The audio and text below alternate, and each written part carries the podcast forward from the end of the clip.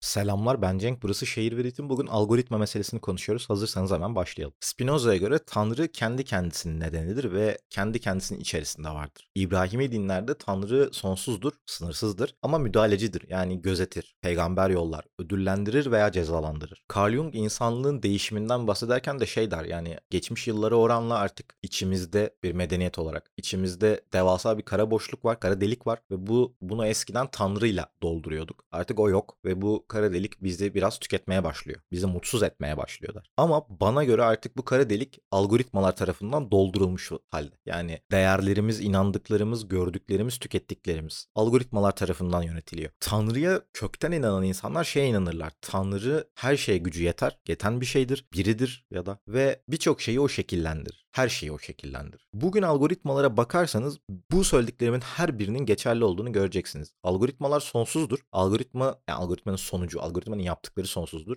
Sınırsızdır. Kendi kendisinin nedenidir. Algoritma gözetir, ödüllendirir veya cezalandırır. Algoritmaya ne kadar ters gittiğinize bağlı. Şöyle bir örnek vereyim. Bundan 3-4 yıl önce YouTube'la alakalı hepimiz çok şikayetçiydik değil mi? YouTuber'lardan çok şikayetçiydik. Sonra ne oldu? Bir anda ne oldu? Ne, ne değişti hayatımızda? YouTube'da bir şeyler değişti. Yani YouTuber'lar biraz daha geri plana düştüler. Önümüze daha az aptal şeyler düşmeye başladı. Hatta yeterli disiplinle kullanıyorsanız artık YouTube'da saçma şeyler görmüyorsunuz. Bunun çok önemli bir sebebi var. Çünkü YouTube Kids diye bir şey açıldı. YouTube çocukları ayrı bir tarafa aldı ve algoritma sakinleşti. Çünkü çocukların inanılmaz yüksek dozda kullandığı YouTube algoritma olarak yanlış şey, şeyleri değerlendiriyordu. Mesela thumbnail'da büyük kafalar konuyordu. Cırtlak renkler konuyordu. Bunların her biri gitti. Çünkü onları çocuklar tıklıyordu ve algoritmayı bozuyorlardı. Çocukların yaptığı bir şey aslında birçoğumuzun eğlence endüstrisine bakışını inanılmaz kökten değiş etkilemişti yani değiştirmişti. Çocukları aradan çıkardığımızda algoritma sakinleşti ve şu an kimse YouTube'dan şikayet etmiyor. Evet ediyoruz yine ama bu da düz şeylerden ediyoruz. Bu kadar kompleks bir şekilde etmiyoruz. Sonuçta algoritma hayatımızı etkiliyor ve aslında kendi kendine çalışan bir şey ve geçtiğimiz yıllarda sanırım 2016 olması lazım. YouTube CEO'su şey demişti yani algoritma ile alakalı bir soru sorulmuştu bir konferansta. Dedik yani biz de çok anlamıyoruz açıkçası. Çünkü algoritma biraz öyle bir şey. Kuruyorsun, bırakıyorsun sonra kendi kendine bazı çıkarımlar yapmaya başlıyor. Bu kadar kompleks algoritmalar. Hatta insanlar bazen şey diyor görüyorsunuzdur YouTube'da karşınıza çıkıyordur. Böyle 12 yıl önceden çok alakasız bir video bir anda karşınıza düşüyor. Sonra siz ona tıklıyorsunuz ve alttaki yorumlar kısmında şey görüyorsunuz. Birçok insan aynı şeyi yazmış. YouTube algoritması beni ödüllendirdi falan filan. Yani algoritma aslında bizle oynuyor. Biz onunla çok oynamıyoruz. Ve bu algoritmaya oynama, algoritmanın ödüllendirmesi durumu bence insanların psikolojisini çok bozan bir şey. Özellikle Türkçe rapte beni çok sinir ediyor. Spotify'ın API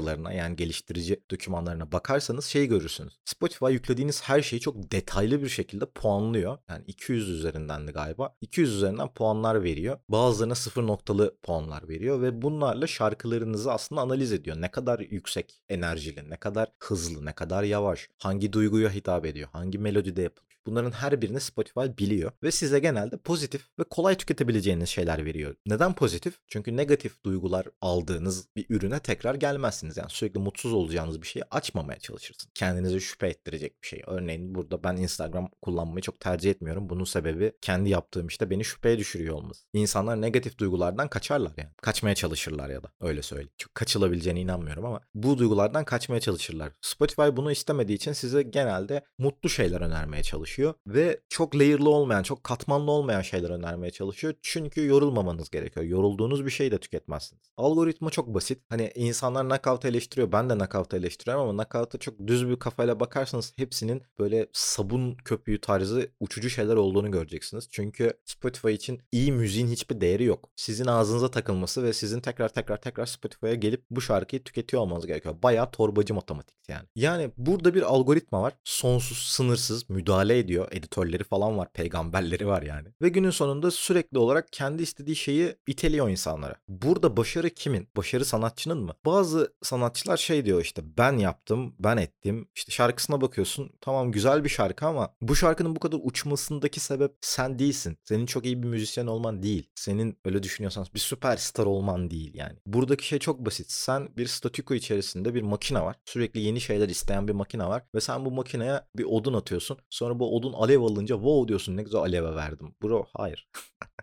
yani alakası bile yok. Sen senle alakalı bir şey yok ortada. Bu insanların psikolojisini de tabii ki bozuyor. Kendilerini olduğundan daha büyük görüyorlar. Daha çılgın görüyorlar. Daha önemli görüyorlar veya başarılı görüyorlar. Ego ile alakalı bir şey bu. Yanlıştır, doğrudur bunu tartışırız. Başka bir zamanın konusu bu ama şey çok önemli bir şey bence. Bu makine sürekli olarak çalışıyor ve sürekli olarak yeni şeyler göstermesi lazım. Yeni içerikler göstermesi lazım ve birçoğumuz aslında biraz kafaya takarsak bunu bu makinenin nasıl çalıştığını, bu makineye nasıl hitap edileceğini, bu makineyi nasıl lehimize kullanabileceğimizi görüyoruz. Bunun sonunda bazı insanlar dediğim gibi kendilerine yoruyorlar bunu. Bana bu artık gerçekten şey gibi geliyor. Yani bir X dini diyelim. Bir X dini var ve bu X dinine herkes inanabiliyor ve inandığımız anda wow bakın ne, ne kadar güzel inanıyorum ya da bakın en iyi inanan benim. Öyle bir inanıyorum ki falan deniyormuş. Denmesi gibi geliyor ya da denmeye çalışıyormuş gibi geliyor. O yüzden enteresan. Özellikle Türkçe rapteki olmamışlık ve cahillik ki çok fazla rapçiyle tanıştım. Belli bir zekanın üzerinde 3 tane falan sayabilirim herhalde. Gerçekten. Belli bir noktanın, belli bir birikimin üzerinde böyle söyleyeyim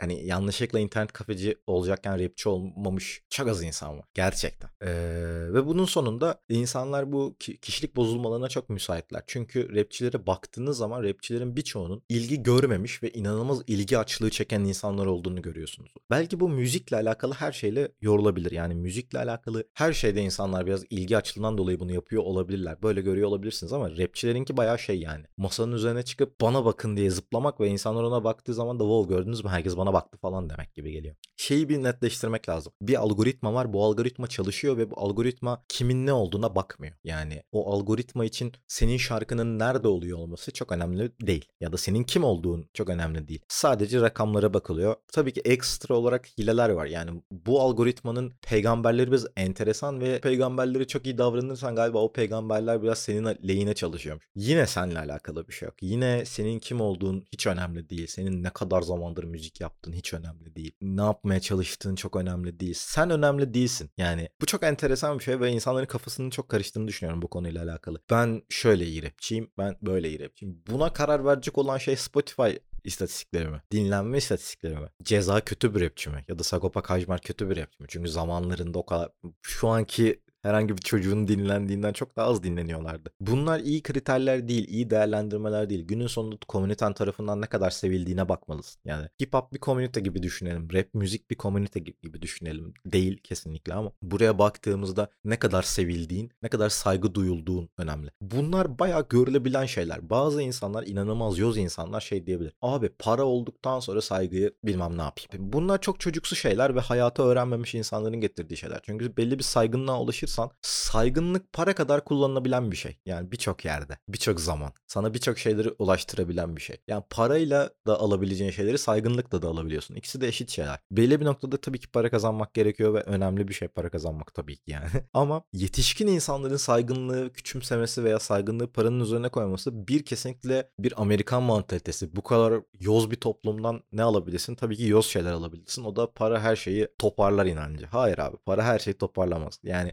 insanların sana bakışını parayla düzeltemez. Parayı basıp basıp basıp basıp. Düzeltenler oldu mu? Yani abi bilmiyorum. Şu an hatırlayamadım. Gerçekten parayı sıfırdan basıp her şeyi düzeltebilen biri oldu mu? Aklınıza geliyorsa yazın yani. Deyin ki evet abi şu adamın başından rezil şeyler geçti. Bastı parayı düzeltti her şeyi. Olmuyor abi. Yani eğer olsaydı şu an ismini söyleyemeyeceğim Amerikalı ve hapiste kaybolan ve ölen daha doğrusu. Daha sonra sürekli olarak e, kendisinin intihar etmediğiyle da alakalı şakalar yapan herif düzeltirdi her şeyi. Yeterince parası vardı. Ama hapiste ölü bulundu. Enteresan tabii ki. Yani günün sonunda yanlış değerlendirmeler ve yanlış noktalar hepimizi yanlış şeylere sürüklüyor. Mesela bu algoritma olayıyla ilgili en komik şey yakın zamanda olmuş. Ben Fero olayı. Ben Fero bir anda tekrar listelere girdi. Tekrar knockout'a girdi aylar sonra. TikTok patladı çünkü. Bu Ben Fero'nun müthiş bir sanatçı olmasıyla mı alakalı? Hayır abi. Algoritma bir şeyler gördü ve editörler de almaya karar verdiler. Çünkü TikTok'ta insanlar bu şarkıyı tekrar kullanmaya başladılar. Bu otomatik olarak insan TikTok'ta o şarkı videoyu görmüş ins- gören insanların Spotify'da o şarkıyı dinlemesine yol açtı. Ben Fero ile alakalı gram bir şey yok. Yani adamlar günün sonunda seninle alakalı bir karar vermemişler. Lan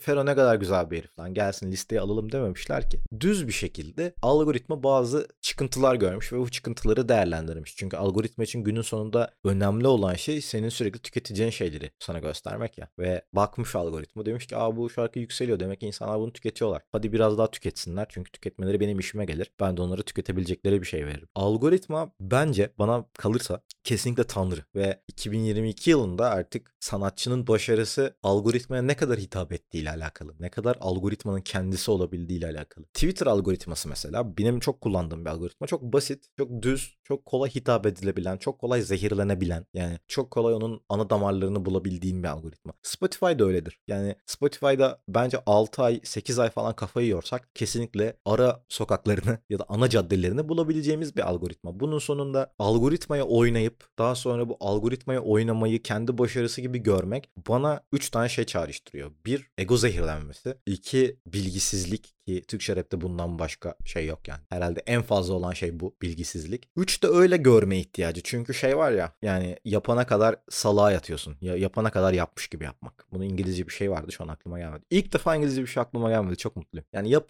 yapana kadar yapmış gibi yapıyor herkes. Bana böyle geliyor ama algoritmayı oynayıp ondan sonra ulan ne iyiyiz be ne kırılız ha çok iyiyiz manyağız deli gibiyiz falan denmesi komik geliyor. Yapmayın böyle şeyler. Böyle şeyleri yapmaya gerek yok çünkü inanılmaz sahte düz uçucu bir dünyada yaşıyoruz. Ve iyi bir insan olmaya çalışmamız gerekiyor bence bunun sonunda sadece. İyi bir insan olmayıp geri kalan her şeyi rakamlarla doldurabiliriz. Doldurabilirsiniz daha doğrusu. Doldurabilirsiniz ama kimse size saygı duymaz. Sonra saygı duymadığınız, duyulmadığınız zamanla dersiniz ki ulan ben niye düşüyorum? Sonra bunu şöyle anlatayım. İki kolumu birden kırdım çocukken.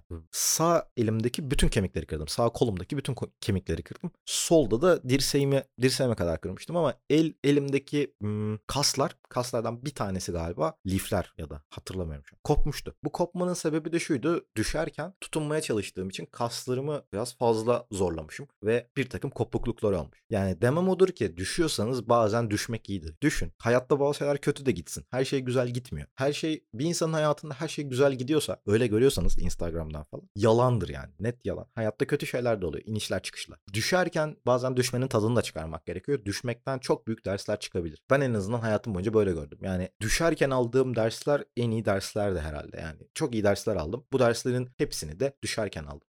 Sonuçta inanılmaz kötü bir örnekti bu el örneği bu arada. Şu an hatırladım ama olsun. İnsanlar düşüyorlar abi ve hani algoritmaya oynuyorlar, sinirleniyorlar işe yaramadığı zaman. İnsanlar onlara saygı duymadıkları zaman. Çünkü abi o kadar dinleniyorum ve neyi yapmıyorum ki acaba diyorlar. Bu sinir onları daha da düşürüyor. Daha çok düştükçe daha çok sinirleniyorlar ama yapmaları gereken tek şey sakin olup düşmek abi. Düşün bir, bir düşün. Bir yere hissedin sonra geri kalkarsınız. Ama algoritmanın zehirlenmesi bence algoritmayı zehirlemek ya da algoritmanın sizi zehirlemesi. Bunu iki taraf tarafta da görebiliriz. Kesinlikle bundan ibaret. Yani insanlar bazı sanal şeylerin kontrolünü kaybediyorlar ve bu sanal şeyler gerçekten tanrı gibi hareket ettikleri için bizim dünyamızı, sizin dünyanızı, bir sanatçının dünyasını şekillendirebiliyor. Günümüzde bir sanatçının başarısı eğer spesifik bir müzik yapmıyorsa algoritmaya yazar. Algoritmanın başarısı. Onu bir yerden bir yere getiren şey algoritmadır ve büyük ihtimalle 10 yıl içerisinde hayatımızdaki birçok şey için bu geçerli olacak. Kendinize cici bakın. Görüşürüz. Bay bay.